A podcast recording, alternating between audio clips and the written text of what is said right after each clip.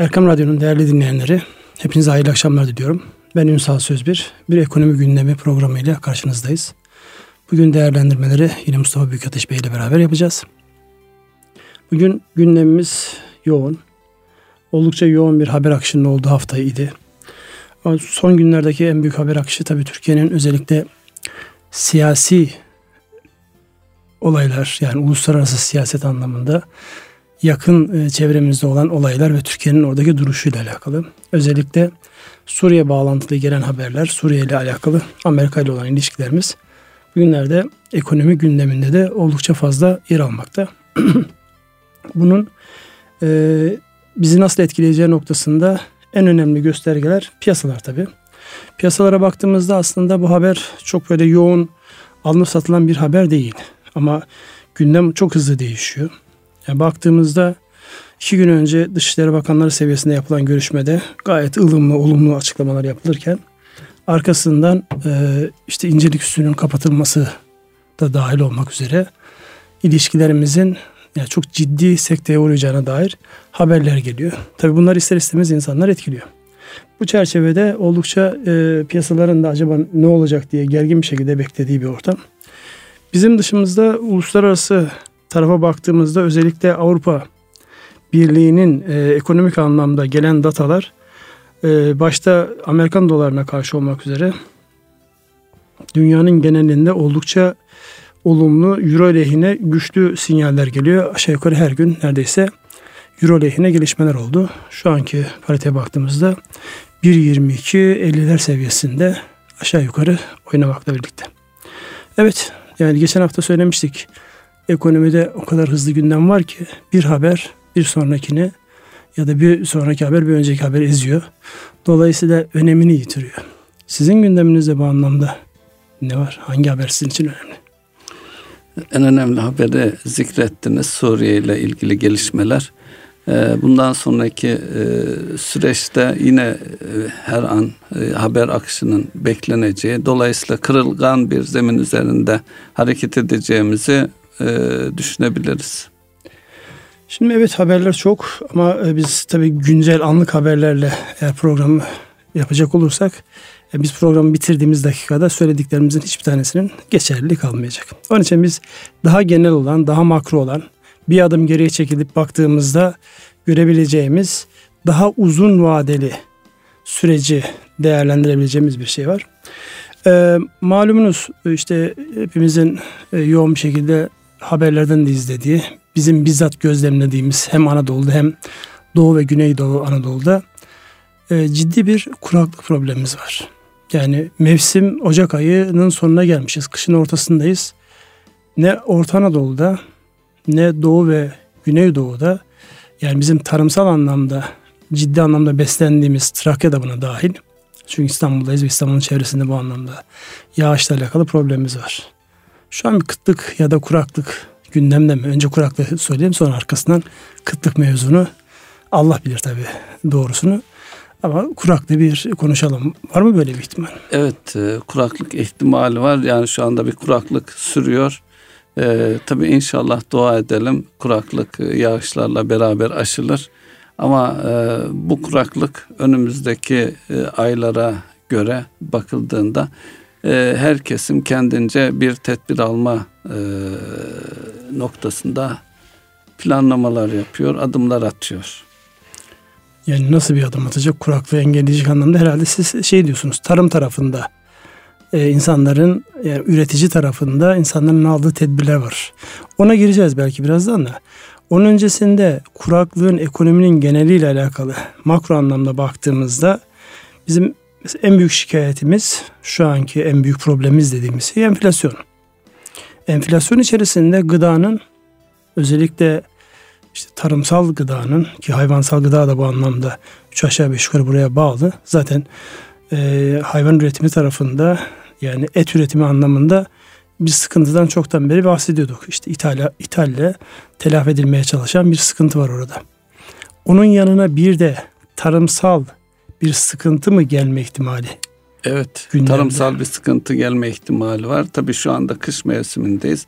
Tarımsal üretim baharla birlikte başlayacak ama şimdiden mevcut yağış e, verilerine bakarak bir kuraklık içinde olduğumuz dolayısıyla tarımın bundan ciddi şekilde etkileneceği bekleniyor.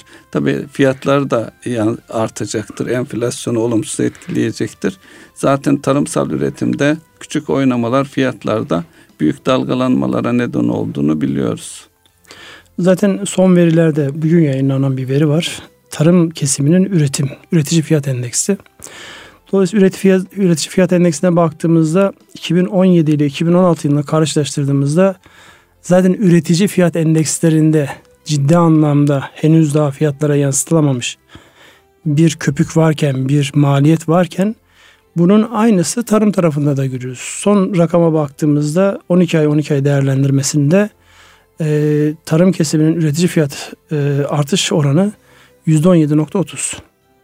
Şimdi enflasyonun yani tüketici tarafına baktığımızda 11'ler seviyesini düşündüğümüzde burada yaklaşık bir 6 puanlık 7 puanlık bir henüz daha yani nihai anlamda belki e, havuzun içerisinde bu kadar rakam yansımayacaktır. Ama diğer üretim tarafında düşündüğümüzde tarım kesimi de enflasyonu rahatlatacak, aşağı düşürecek bir maliyetle gelme üretici tarafında. Buradan değerlendirdiğimizde kuraklığı da düşündüğümüzde çünkü kuraklıkla alakalı e, program öncesinde değerlendirdiğimiz bir şey vardı. Neler etkiler kuraklığı? Hangi alanlar etkileyecek? Nereler etkilenecek? Özellikle tarım tarafında ve bunun fiyatlara yansıması ne olacak noktasında bir kısım vardı. Önce bu oranın şeyini ve arkasından da kuraklığın yansımasını bir değerlendirebilir miyiz? Buyurun. Ee, şimdi önce ben şu kuraklığın getireceği e, sıkıntılarla alakalı ya da beklentilerle alakalı bir iki şey söyleyeyim. Sonra üzerinden e, tekrar değerlendiririz. Öncelikli olarak e, şimdiden sadece söylentisi bile fiyatlara yansımış vaziyette. Yani ister hububat olsun, ister baklagillerde olsun kuraklığın getireceği sıkıntıyı nerelere yansıyacağı noktasında e, şimdiden söylentiler zaten fiyatlara yansımaya başladı. Ne yapıyor insanlar? Eğer üretici ise önümüzdeki dönemde istediği ürünü elde edemeyeceğim diye bir stok meselesi başlıyor. İnsanlar şimdiden stoklamaya başlıyorlar ya da ellerindeki mevcut ürünleri piyasaya vermeye konusunda biraz daha nazlı davranıyorlar. Bu da fiyatların otomatik olarak işte bu Mısır'da da böyle, soyada da böyle. Çünkü bir tarafta e, özellikle yumurta tavukçuluğuyla alakalı bir yani ikimizin de bizzat ilgilendiği bir konu olduğu için oradan biliyoruz. Yani her hafta neredeyse mısır fiyatlarındaki artışı ya da soya e, fiyatlarındaki artışın yem fiyatlarına nasıl yansıdığı önümüze gelen raporlarda da görüyoruz. Bunun temel e, sebeplerinden bir tanesi ihtimaldir ki bir kıtlık ve o kıtlıktan yeterince, kuraklıktan yeterince e, verim elde edilememesinden dolayı insanların stok yapma eğilimi var. Bir diğer başlık Ramazan ayının bu sene tam hasat mevsimine denk geliyor olması. Dolayısıyla hasat mevsimi yani bir ülkenin bir kısmında ekim mevsimi bir kısmında hasat mevsimi. Dolayısıyla henüz daha hasat alınamadan Ramazan ayı geleceği için onun öncesinde alımlara olacağı için orada gelecek olan bir e, başlık var. Dolayısıyla bunları değerlendirdiğimizde e, bir e, fiyat artışlarına yansıyacak bir sıkıntı olma ihtimali var. Dışarıyla alakalı bir bağlantı var. Mesela çevreden e, özellikle son zamanlarda gazetelere yansıyan bir husus. İran'da e, bazı şeyler var, sıkıntılar var. Avrupa'da başlayan özellikle bu yumurta e, ve bağlantılı ürünlerdeki sıkıntılar İran'da da kuş gribi sebebiyle çok ciddi itlafların olduğu, çok ciddi e, bu anlamda kıtlığın olduğu, yumurta fiyatlarının ikiye katladı, düşe katladığı gibi şeyler var. Bu bize nasıl yansıyor? Bu bize e, bir de şunu da ilave etmek lazım. Şu anki kuraklık beklentisi nedeniyle tarımda e, sulu tarım değil de yağmura dayalı veya kuraklıktan etkilenecek ürünlerde çiftçinin ekim yapmaması gibi bir e, sıkıntı da var. Yani e, kuraklık var. Eğer ekersem zarar ederim. Deyip ekimden kaçınmak gibi bir e, handikapta bekliyor. Ne yapacaklar? Üretim yapmayacaklar. E, evet üretim yapmayacaklar veya e, Oradaki düşünce ne? Üretim için eğer ben ekim yaparsam nasıl olsa hasat alamayacağım. Evet. Hasat beklediğimden aşağıda gelecek. Maliyetlerimi çıkarmakta evet, zaten zorlanıyorum. Bir de ekstra yük gelmesin diye insanlar ekim yapmaktan vaz mı geçiyorlar evet, ya da geçecekler? Ekimden kaçınacak bir kesim olacak. Ee, var bu. Ee, bu da nihayetinde fiyatlara yansıyacak diyorsunuz. Fiyatlara yansıyacak. Yani önümüzdeki dönemde en büyük problem enflasyon. Enflasyonu aşağı çekmek için başta Merkez Bankası olmak üzere herkes elinden geleni yapsın derken bir de e, tabii hikmetinden sual olması yani bu saatten sonra belki yağışlar e, istenenden daha iyi gelebilir. Çünkü öbür taraftan da İnşallah. içme suyuyla alakalı bazı şehirlerde problemler var. Yani bugünlerde yine gazetelere yansıyan İstanbul ve çevresinde böyle bir sıkıntı olmamakla beraber Anadolu'da yani Bursa gibi böyle yemyeşil işte karın, suyun yani bütün içme suların neredeyse piyasada satılan bu e, pet şişelerde satılan evet. suların neredeyse tamamının geldiği yerde şu an barajların doluluk oranı ciddi yani yüzde ellilerin altında. Dolayısıyla bu e, anlamda baktığımızda önümüzdeki dönemde e, yağışlara bağlı olarak, kuraklığa bağlı olarak bayağı konuşacağımız bir malzeme çıkacak görünüyor. Evet, çevre ülkelerdeki e, çevre ülkeleri de etkiliyor olacağız. Hem talep yönüyle hem de o ülkelere yaptığımız tarımsal ürünlerin ihracatında e, o ülkelerdeki fiyatları dolayısıyla içerideki fiyatları da etkileyecek. Yani içinde bulunduğumuz bir nevi ekosistem olarak düşünürsek e, bizimle birlikte hareket eden ve bizim de hareket ettiğimiz ülkelere de bunun yansımaları olacak. Evet tarımda zaten e, parçalı üretim yapmaktan dolayı küçük küçük alanlarda üretim yapmaktan kaynaklanan bir verim problemimiz vardı. O verim probleminin üzerine bir de iklimden kaynaklanan ya da yağışlardan kaynaklanan konjonktürel de olsa bir etki geldiğinizde önümüzdeki dönemde biz gıda ile alakalı bazı şeyleri herhalde tekrar tekrar konuşacağız. Burada e, alt e, kırılımlarına baktığımda tabii e, tarım e, avcılık ürünleri, ormancılık ve balıkçılığa baktığımızda e, yani burada ormancılık ürünlerinde bu anlamda ciddi bir e, fiyat farkı görüyorum. Yani henüz daha yani üreticiye yansımamış bir e, yüzde yirmi birlik bir yıllık e, enflasyon var orada. E, balıkçılık nispeten e, daha düşük. Bir önceki aya göre yüzde yirmi bir gibi bir artış olmakla beraber yılın tamamını topladığımızda bu da yine konjonktürden kaynaklanıyor. Yüzde on beşlik bir e, performans var burada. Bir artış var. E, bir başka veri bizim e, ekonomiyle alakalı yapmış olduğumuz değerlendirmelerde belki en fazla üzerinde durduğumuz konulardan bir tanesi konut sektörü, konut alışlarıyla alakalı, konut satışlarıyla alakalı ve imalatıyla alakalı. Burada e, niye önemsiyoruz sorusunu sorduğumuzda kendimize inşaat sektörü ülke ekonomisinin en önemli sürükleyici unsurlarından bir tanesi. Dolayısıyla bu anlamda en önemli sürükleyici unsur o olduğuna göre en fazla konuşulmayı hak eden konu da o oluyor otomatik evet. olarak. 2017'nin tamamını değerlendirildiği bir istatistik var. İsterseniz o istatistiğin üzerinden bir geçelim. Ondan sonraki süreçte e, alt değerlendirmeleri ve bunun yansımalarını birlikte yapalım. 2017 yılında 1 milyon 900 9314 adet konut el değiştirmiş. Bakıldığı zaman konut sektörüne bu değişimin e, büyük e, önceki yıllara göre bir azalma söz konusu. Geçen ay itibariyle baktığımız zaman da 132.972 e, konut el değiştirmiş. Bunların 34 bin tanesi ipotekli yani banka finansmanıyla yapılan satışlar. Kalan 99 bin adedi de normal satışlarla olmuş. Bu oranın e, baktığımız zaman bu oranda önceki dönemlere göre azalan bir oran. E, yine ikinci el e, baktığımız zaman ikinci el satışları bu rakamın 66 bin ikinci el e, yine aynı civarda yani yüzde 50-50 ilk satış ve ikinci el satış şeklinde e, görünüyor. Tabii bu seviyeler konut satışı için beklediğimiz seviyelerin altında. Şimdi tabii istatistikler konuşurken ister istemez insanın yüzü gülüyor bazen ve gayri ihtiyar burada birinde güldüren bir şey var. O da şu Ee, şimdi konut satışlarına iller bazında bir değerlendirme var. Her ilde kaç tane satıldı? İşte İstanbul zaten her zaman olduğu gibi bütün ekonominin gündeminde her konuda olduğu gibi bu konuda da bir numara. Yani 132 bin konutun 23 bin tanesi İstanbul'da satılmış. Ee, 11 tanesi de benim memleketim olan Ardahan'da satılmış. Bunun hemen altında yapılan bir istatistik değerlendirme var. İpotekli satışlardaki en yüksek oran nerede? Yani top top 11 tane satılmış. Onda %50'si ipotekli ve bu istatistik anlamına baktığında Ardahan ipotekli konut satışlarında en fazla performansı gösteren bir şehir olarak gözüküyor. Yani hepsi 11 tane yarısı oradan olsa. Dolayısıyla istatistikleri değerlendirirken böyle özellikle yüzdeler tarafı bazen böyle insanın yüzünü gülümseten, e, tebessüm ettiren sonuçlar doğuruyor. En son en başa gelebiliyor bazen.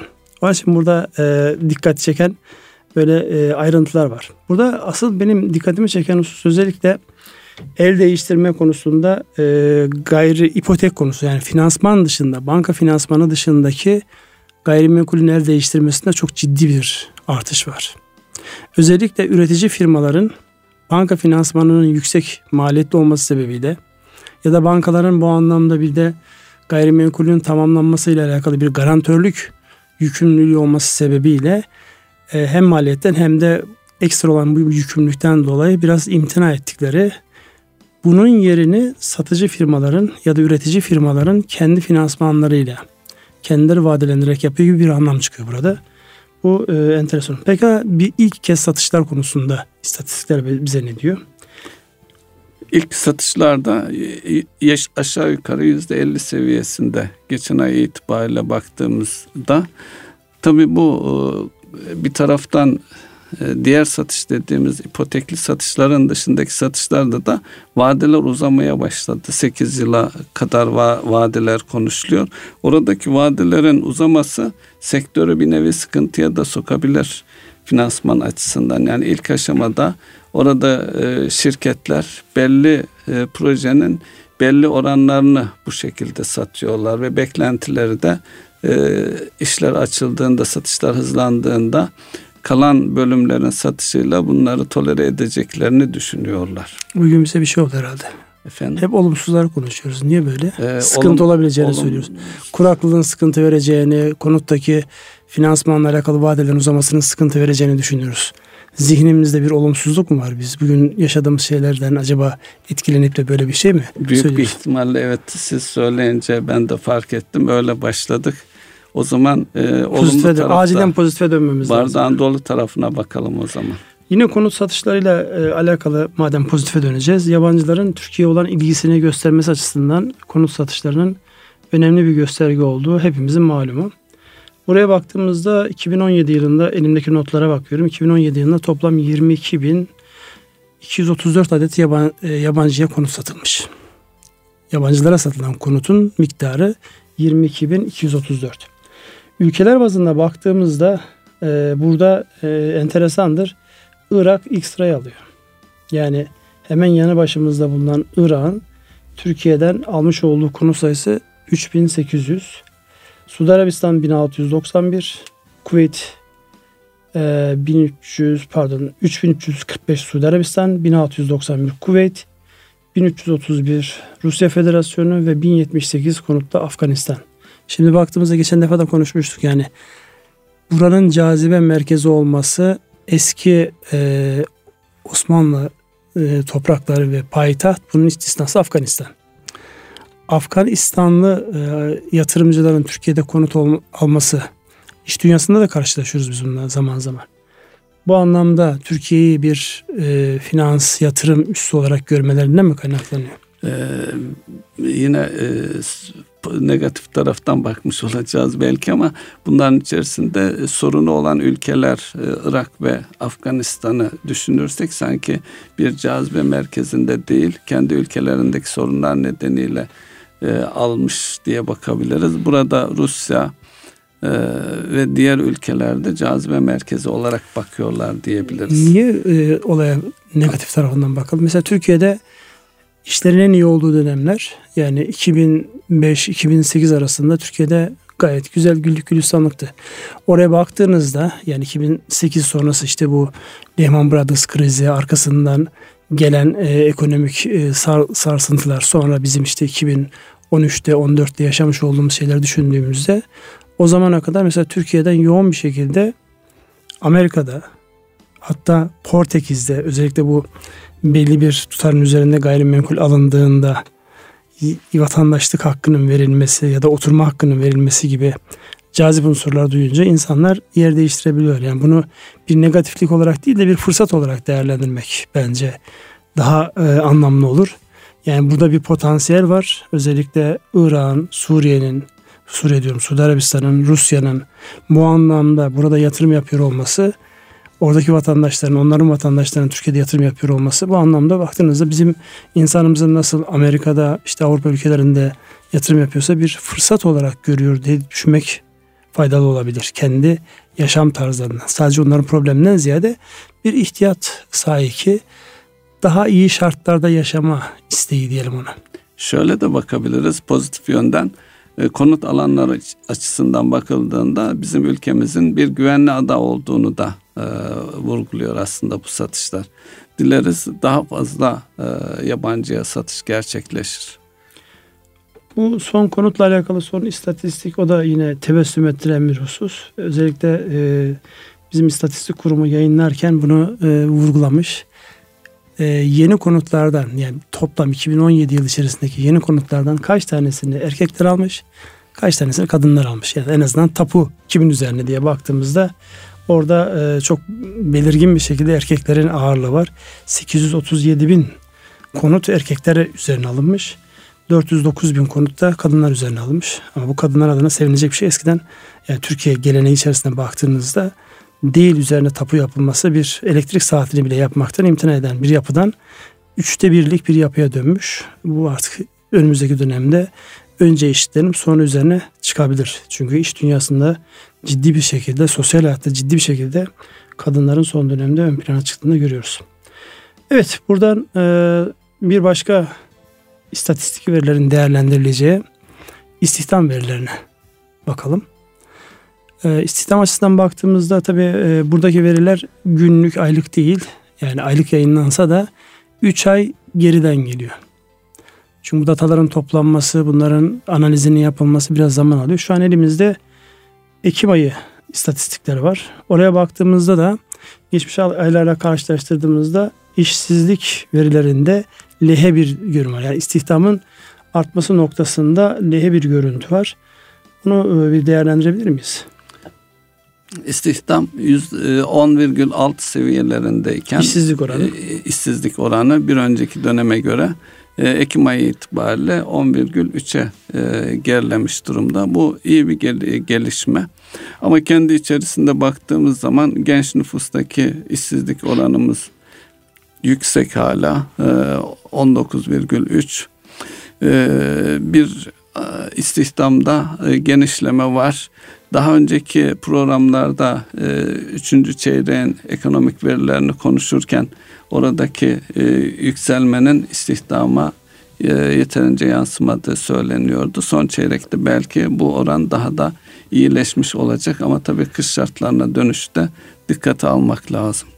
Bu istihdamla alakalı yapılan kampanyaların başta Cumhurbaşkanımız olmak üzere yapılan kampanyaların e, olumlu etkilerini ilk sinyaller herhalde burada görülmeye başlandı. Evet. Çünkü o yaz aylarında yapılmıştı o kampanya. İşte e, üçüncü çeyreğin bitimi dördüncü çeyreğin başlangıcındaki ilk nokta Ekim ayı. Dolayısıyla Ekim verilerinde baktığımızda burada e, bir azalma var. Yıl içerisinde baktığımızda istihdamda yani işsizlik oranında %13'ten buraya geliyoruz. Yani olay sadece bir önceki aydan değil e, daha geriye baktığımızda Ocak ayından bu yana değerlendirdiğimizde %13'ten buraya bir gerileme var. Dolayısıyla yapılan kampanyaların ve istihdamı sağlayacak yeni yatırımların ya da yeni girişimlerin olduğunun ilk işaretleri sanayi kapasitelerinde de benzer şeyler görüyorduk. Dolayısıyla istihdamla alakalı bir e, veri fevkalade önemli. Burada genç işsizlik noktasında bizdeki bu oranın giderek artıyor olması, insanların istihdam sağlarken gençlerden ziyade daha deneyimli insanları mı, talep ediyorlar yoksa henüz gençlerimiz yani çalışma yaşına gelip ama iş edinme noktasında çok böyle istekli görünmeyen oranda mı bir artış var? O da sizin gözlemleriniz nedir? Sanki e, iş beğenmeme de var. Bir de gençlerin e, istihdama e, katılan gençlerin e, niteliklerinde e, bir takım sorunlar var. Yani e, mesleksiz bir gençlik istihdama katılıyor diyebiliriz. Mesela buradaki e, az önce konuştuğumuz konut satışlarıyla ilgili olarak Afganistan e, örneği vermiştik. Tarımdaki sıkıntıları konuştuk. Mesela e, siz de biliyorsunuz Anadolu'da birçok e, alanda artık e, bizim gençlerimiz, insanımız tarımda çalışmıyor. Evet tarlalarda, seralarda çalışan, Afgan, çobanlık yapan Afganlılar, Afganlar Kırgızlar, var. Özbekler. Evet, evet. Yakın çevrede yani Ermeniler, yani bütün yakın coğrafyanın aslında şeyi olmuşuz biz bir anlamda istihdam kapısı olmuşuz. Evet. Zaten e, bu e, istihdam verileriyle alakalı en önemli unsurlardan bir tanesi de kayıt dışı çalışanların oranında çok ciddi bir yüzde var. Yüzde 33 ya 33.9 onu yuvarlarsak yüzde 34'lük bir e, kayıt dışı çalışan insan var. Yani hem gençler açısından değerlendirdiğimiz hem genel kayıt dışı açısından baktığımızda aslında bizim e, halihazırda çalışan ama bizim vatandaşımız olmadığı için ya da bu anlamda kayıt altında olmadığı için bizim istatistiklerde görünmeyen ciddi istihdam edilmiş bir kitle var. Yakın coğrafyanın ya da uzak coğrafyanın yansıması olarak. Ve ilk de onlar var demek durumundayız. Aksi halde e, bizim gençlerimiz AVM'de güvenlikçi olmayı, diğer e, tarımda veya sanayide çalışmaya tercih eder bir noktaya geldik maalesef. Bunun peki sebebi ne ola ki? Sebebi e, işte tek başına değil kültürel sorunlar da var ama e, özellikle meslek edindirmeye yönelik eğitim sistemimizdeki eksiklikler diyebiliriz. Belki oralarda daha e, yapacak yani mesleksiz bir gençlik geliyor. Yani düşünün liseye gitti bir genç liseyi bitirdiyse o yaştan sonra üniversite istediği üniversiteyi kazanamasa bile çekirdekten meslek eğitim edinmede de çıraklık yaşını geçmiş oluyor. Gerçekten bugün sizde bir negatiflik var. yani sanat okulu mezun olmaktan dolayı gelen insanları normal liselerden mezun olanları işsiz olarak mı görüyorsunuz? Onları mı öyle değerlendirmek lazım? Bir me- okulumu savunuyorum. Ee, sanat okulu mezunları şu an şu anki ismiyle meslek lisesi mezunları bir adım daha öndedir diye düşünüyorum lisedekilere göre. Tabi meslek e, okullarının e, önü daha da açılabilir. Hangi bölüm okumuştunuz siz? E, elektrik bölümü. Üniversitede ne okudunuz? E, işletme okudum. E, ne oldu? Ama o günün koşullarında meslek liselerinin önü de maalesef imam hatiplerin önünü kesilmesi adına kesilmiş. Dolayısıyla benim mezun olduğum dönemde hayalim elektrik mühendisi olmakta ama girebileceğim üç üniversite vardı. Dolayısıyla onu değil de e, artık piyangodan çıkan diyebileceğim bir e, mesleği tercih etmiş oldum. Yani bilinçli değil de artık e, ağına geldiyse. Evet. Hayırlısı olsun.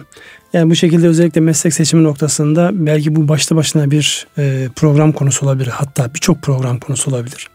Bu anlamda özellikle genç yaştaki insanların meslek seçiminde kişiliklerine uygun, karakterine uygun, yeteneklerine uygun işleri seçme noktasında gerçekten sistemimizde ciddi bir zafiyet var.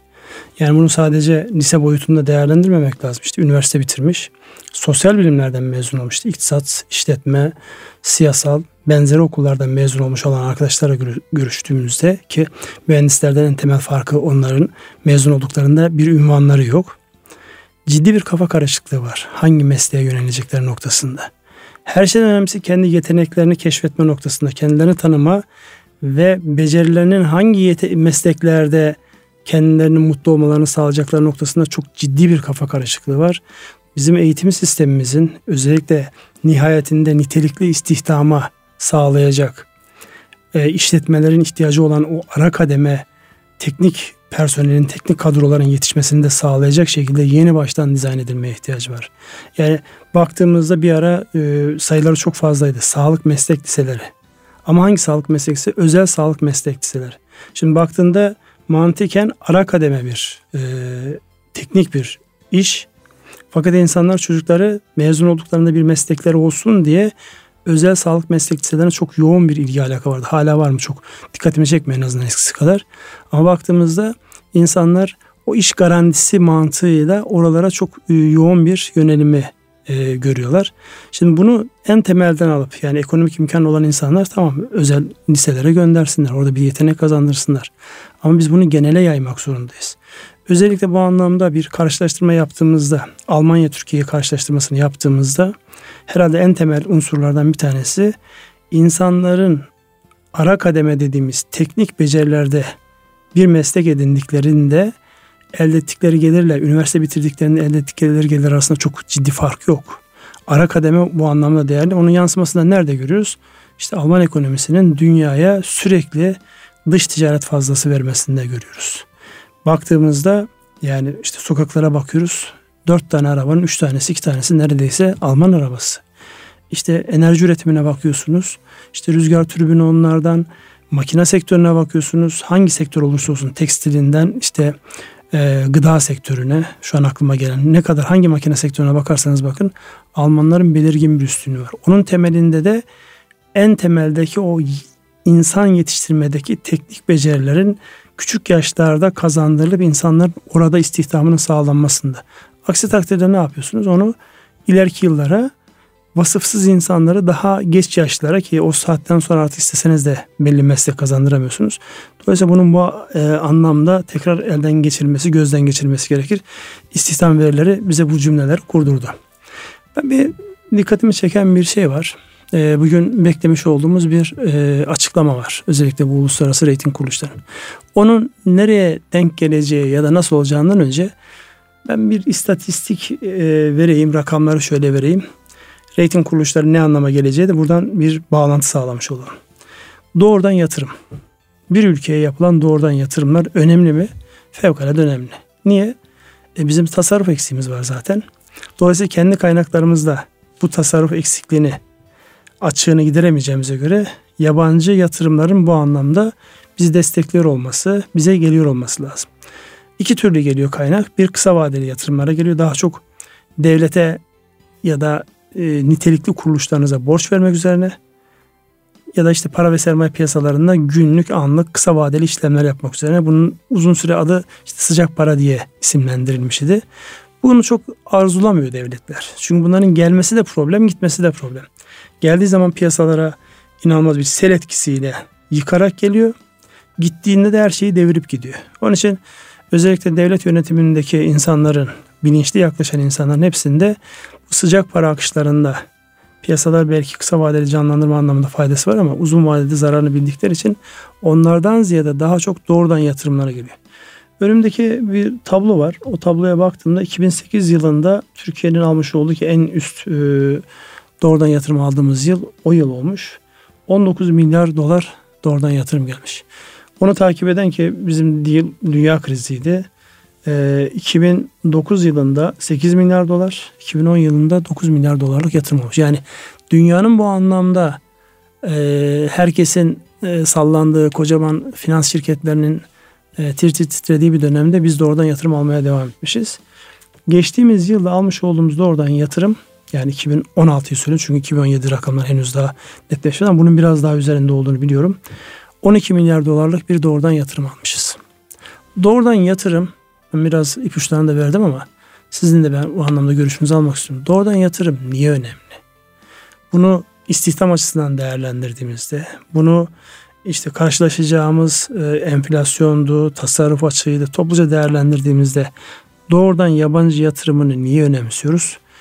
Yabancıların konut alması da bu anlamda bunun içerisinde değerlendirmeli.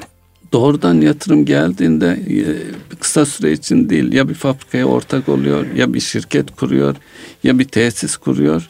Uzun vadeli olarak Türkiye'nin geleceğiyle ilgili pozitif beklentileri var ve burada e, yer alarak bundan istifade etmek için geliyor. Daha doğrusu elbette her gelen yatırımcı kar için gelecek. Doğrudan yatırım olduğunda bu uzun vadede o insanların, o yatırımcıların Türkiye'de 5 e, yıl, 10 yıl e, kalacaklarını gösterir. e, gelen hemen çıkacağını hesap etmez uzun vadede. Mutlaka belki çıkış şeyleri de olabilir. Bazı fonları falan dikkate alacak olursa. Doğrudan yatırıma gelmez ama, fonlar. Doğrudan yatırım dediğimiz zaman da Türkiye'de o sektörün büyüyeceğini veya Türkiye'de Türkiye ihracat yapan e, firmalarında Türkiye'de ürettiği zaman daha büyük e, gelir elde edeceğini de düşünerek gelirler ki e, her ülkede bu tür yatırımları teşvik eder. Yani ithal etmek yerine o firmaların gelip kendi ülkelerinde o üretimi yaratması daha doğrusu katma değerini kendi ülkesinde oluşturmasını ister. Bu nedenle de gelen doğrudan yatırımları, yabancı yatırımları teşvik eder. Peki oradaki bilgiye, üretme bilgisine, e, işte İngilizcesi know-how'a nasıl bir katkısı oluyor? E, know-how'a olumlu katkısı oluyor. Gelen know-how ile birlikte geliyor zaten. Geldiği zaman da mesela Çin örneğine bakalım. Çin e, dünyanın üreticisi konumunda ilk gelenler know-how ile geldiler. Yani Ama o bilgi üretme bilgisini onlar evet, getirdi diyorsunuz. Evet getirdi. Tabii o gelen know-how'la doğal olarak Türkiye'de de o işte tesiste çalışanlar bir süre sonra o know-how'ı kendi içselleştirerek bir e, pozitif yönde. E, Şimdi bu üretme teknik bilgisini know-how diye isimlendirdiğimiz üretme teknik bilgisini yani bizim insanımız üretemiyor mu yani? Bunu eğitimleri bu anlamda, teknik anlamda üretemiyor muyuz da buna ihtiyaç duyuyoruz? Ee, şu anda yetersiz. Batılı ülkelerde daha fazla know-how üretiliyor ee, diye düşünüyorum. Yani patentlere baktığımız zaman patent sayıları da bununla ilgili know-how açısından bakıldığında Türkiye diğer ülkelere göre daha az patent üretiyor. Evet yani bu doğrudan yatırım. Peki bunun şeye baktığımızda şehirler açısından baktığımızda Mesela otomotiv sektöründe e, Bursa'nın bir belirgin e, duruşu var. İşte e, yan sanayine baktığımızda işte Konya hakeza böyle. Yani otomotiv yan sanayi ya da makine üretimi anlamında işte Gaziantep var. Denizli'de farklı açılımlar var. Bu anlamda baktığımız mesela Aksaray'da e, bir otomobil e, Alman bir fabrikanın oraya yatırımı var. Bu oradaki sosyal hayata, kültürel hayata nasıl bir katkı sağlıyor? Kültürel hayatı da geliştiriyor. O, e, gelen bir tesis e, bu Aksaray örneği veya Konya örneğine baktığımız zaman yan e, firmalar da doğuruyor. O e, firmaya üretim yapan e, bir Alman otomotiv firmasında yap, üretim yapan bir şirket e, bir takım e, komponentleri o çevredeki e, başka firmalardan almaya başlıyor ve pozitif olarak e, bir e, nokta cazibe merkezi haline geliyor. Bu hem eğitim tarafına da yansıyor, kültürel tarafı da ve gelir seviyelerine de yansıyor. İşsizlikte işsizlik istihdamı konuştuk. Oralarda işsizliğin daha düşük seviyelerde olduğunu görüyoruz bir İstanbul'a göre. Evet. Ya burada e, üretilen konutlardan e, onu ben e, gözlemledim bu gidişimde. Yani yabancı bir firmanın geldiği yerde onların çalışanların, beyaz yakalı çalışanların yaşadıkları yerler şehrin alışık olduğu tarzdan farklı. Yani bir onlara özel yapılmış siteler var. O sitelerin içerisinde oluşturulmuş işte sosyal tesisler, onlar yapacağı alışveriş merkezleri yani markalar bile farklılaşabiliyor orada. Dolayısıyla bir yere doğrudan yatırım yapıldığında yani bu lehedir lehedir o kısmı ayrı. Çünkü bazı yerlerde de ciddi bir e, kültürel e, çöküntüye sebep oluyor bazı şeyler. Yani işte Amerikan üstünü az önce en başta konuştuk. Yani İncirlik'te ya tamamen gittiğiniz orada ya sanki bir Amerikan kasabasına gitmişsiniz gibi bir şey var, hava var. Bütün oluşumlar işte tabelalarından tutun satılan ürünlere kadar bütün dizaynlar ona göre olmuş. Yani her zaman tabi arzulanan şekilde olmasa dahi özellikle üretme bilgisini, yeni zihni, e, yenilikleri yakalayabilme noktasında doğrudan yatırımların çok ciddi avantajı var. E zaten bizim yapmış olduğumuz iş itibariyle de birçok firmanın özellikle yabancılarla kısmi de olsa ortaklık yapmalarının kendi üretme ve yönetme tekniklerini nasıl geliştirecekleri noktasında biz de insanlara tavsiyede bulunuyoruz bu anlamda. Çünkü alışık olduğu düzende uluslararası bir marka haline dönüşebilmesi için ya da uluslararası markalarla rekabet edebilmesi için zihnin onlarla nasıl rekabet edeceği noktasında da gelişmiş olması icap eder. E bu da yakından tanımayı gerektirir. Yakından tanımanın yöntemlerinden bir tanesi de beraber iç içe omuz omuza bazı şeyler yapmak. Ama katma değerini bu ülkede bırakmak kaydıyla. Burada e, özellikle doğrudan yatırımlarla ilgili olduğu için e, rating kuruluşlarına bir dokunalım. Bir haber vardı bugün. Çok enteresan. Biz e, o e, firmadan farklı bir açıklama beklerken Türkiye ofisini kapatma kararı aldığı geldi Fitch'in. Fitch'in Türkiye ofisini kapatmasının teknik anlamda baktığımızda bir anlamı var mı? Gazetelere yansıyan e, haberlere gördüğüm kadarıyla 75 kuruluşun değerlendirmesini yapıyor. Ve o 75 kuruluşun değerlendirmesi bundan sonraki süreçte de yapmaya devam edecek. Sadece bilgi olarak ben şunu vereyim.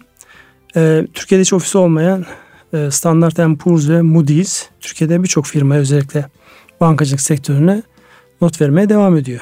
Yani ofisin burada olması lehedir olmaması aleyhedir denemez. Olmasının şöyle bir avantajı var. Orada çalışan insanların önemli bir kısmı lokal insanlar olduğu için belli şeylerin anlaşılması, algılanması noktasında bir avantaj sağlayabilir. Ama bizim kendi bireysel deneyimlerimizde genellikle not değerlendirmesini yapan, onların senior dedikleri yani karar verici konumunda olan insanların bu topraklarda yaşamayan genellikle yabancılar, İngilizler ve Amerikalılar olması sebebiyle çok fazla şeyin değiştiğini ben düşünmüyorum. Bir de olayın arka tarafında tabii ülkenin genel siyaseten yerleştirildiği yer var. Bizim siyaseten yerleştirildiğimiz yerde ekonomik anlamda bulunduğumuz büyüklüğe ya da yetkinliklerimize çok uygun yerler değil. Yani şu an e, bu bahsetmiş olduğumuz rating kuruluşu da dahil olmak üzere notumuz 2B artı yani yatırım yapılabilir konumda değiliz. Peki bu bir anlam ifade ediyor mu? Yatırım yapma noktasında az önce e, rakamları söyledim. Yani en son 2016 yılında, 2017 yılında bizim rating notumuzun yatırım yapılabilir olmasından çıktığı dönemde dahi 10 milyar dolar, 15 milyar dolar gibi bir direkt yatırım alabilme şansımız var. Gönül isterdik bu rakam 2'ye 3'e katlasın. Onun da bir hazırlanacağı dönem var. Bu şekilde değerlendirdiğimizde yani ülkeden çekilmesini sizin bu anlamda bir olumsuz yorumunuz var mı? Bugün olumsuzdan gittiniz de bu olumlu yorumlarsınız inşallah olumlu, diye söyleyeyim. E, şöyle yorumlayalım. İnşallah geri dönerler. Çünkü İstanbul'un finans merkezi olması yönünde bir hayalimiz var. Dolayısıyla İstanbul finans merkezi olacaksa bu tür reyting kuruluşların finansa destek olacak kuruluşlarında e, Türkiye'de olması özellikle İstanbul'da olması önem arz eder. Çünkü bu tür kuruluşlar bir yeri merkez belirledikleri zaman çevre ülkeleri de oraya bağlıyorlar. Dolayısıyla e, sadece e, bu e, derecelendirme kuruluşları değil, yabancı firmaların, şirketlerin e, içinde bulunduğumuz bölgede Orta Doğu, işte Rusya, e, o, Türkiye Cumhuriyetler, e, Af, şey e, Afrika, Kuzey Afrika olarak bakarsak e, bu yörede faal, bu bölgede faaliyette bulunacak ülkeler, e, şirketlerin merkezin İstanbul'da olması veya Türkiye'de olması önemli bir artı bir unsur. Ama tabii şart değil. Burada e, neticede e, isteyen şirketler bu hizmetleri alabiliyorlar. Dediğiniz gibi Türkiye'de ofisi olmasa da ama olsa daha iyiydi gitmesi. Zaten ofisi olan iki tane kuruluş vardı. Bir bunlar var. Bir de e, Japon rating kuruluşu var. Bildiğim kadarıyla e, Japon derecelendirme kuruluşu faaliyetine devam ediyor. E, zaten son dönemde özellikle bu firmaların borçlanmak istediklerinde ama sermaye piyasasında borçlanmak istediklerinde tahvil çıkarmak istediklerinde ya da sukuk çıkarmak istediklerinde bir e, değer derecelendirme kuruluşuna ihtiyaç var. Son dönemde bildiğim kadarıyla e, birçok firmanın derecelendirmesini e, Japonya menşeli olan o firma yapmaktaydı. Dolayısıyla bu gazetelere yansıyan ya da medyaya yansıyan 75 kuruluş değerlendirdiğinizde Türkiye'de sermaye piyasası kanalıyla borçlanan işte tahvil çıkaran, sukuk çıkaran firma sayısı çok daha fazla. Borçlanmaya niyetlenen ya da o yolu deneyen firma sayısı da çok fazla. Çünkü bu niyetlendiğinizde eğer siz sermaye piyasalarından bir borçlanacaksanız, hisse senedinizi satmayıp sadece borçlanacaksanız en önemli şartlardan bir tanesi sizin uluslararası bir derece, derecelendirme kuruluşundan geçer notla insanların karşısına çıkmanız. Bundan sonraki süreçte alanı büyük ölçüde e, Japonlara terk ettiler gibi görünüyor. Bundan sonraki e, zamanda Japon derecelendirme kuruluşunu herhalde fazlasıyla ismini duyacağız, göreceğiz onların yaptığı değerlendirmeler. Peki şu da olabilir mi? Bu kuruluşun Türkiye'den çekilmesi Türkiye'deki e, ne bileyim siyasi tavırları nedeniyle itibar kaybetmiş olmasının da etkisi var mıdır? Vardır. Bir de e, yani bizim bu anlamda e, özellikle değerlendirilirken çok net hatırlıyorum. Bu e, yatırım yapılabilir olma noktasındaki nota artışı Sayın Cumhurbaşkanımızın o zaman başbakandı. Amerika ziyaretinden bir gün önce ya da aynı güne denk getirilmişti. Yani siz oraya önemli bir ziyaret yapacaksınız. Orada hatırlıyorum Obama'nın e, başkan olduğu dönemde çok önemli görüşmeler var. Gündem çok yoğun, çok ağır ve onun hemen öncesinde sizin ülkenizi yatırım yapılabilire dönüştür. Yani sadece bu bile başlı başına olayın nereye doğru aktığını, nasıl değerlendirdiğini göster göstergesi olması açısından önemli bir unsur. Bir diğer husus da işte Amerika'da yaşanan işte e, Lehman Brothers mortgage krizi önce sonra Lehman Brothers'ın e, bir yatırım bankasının sıkıntıya girmesi sürecinde birçok kuruluş, birçok banka sıkıntıya girdi. Ülkenin kendisi sıkıntıya girdi. Hiç not kırılma noktasında yani öyle belirgin bir şey yapmadı. Sadece aba altından sopa göstererek işte derecelendirme kuruluşları Amerikan notunu kırdı, kıracak, kırabilir gibi cümleler kuruldu. Arkası gelmedi.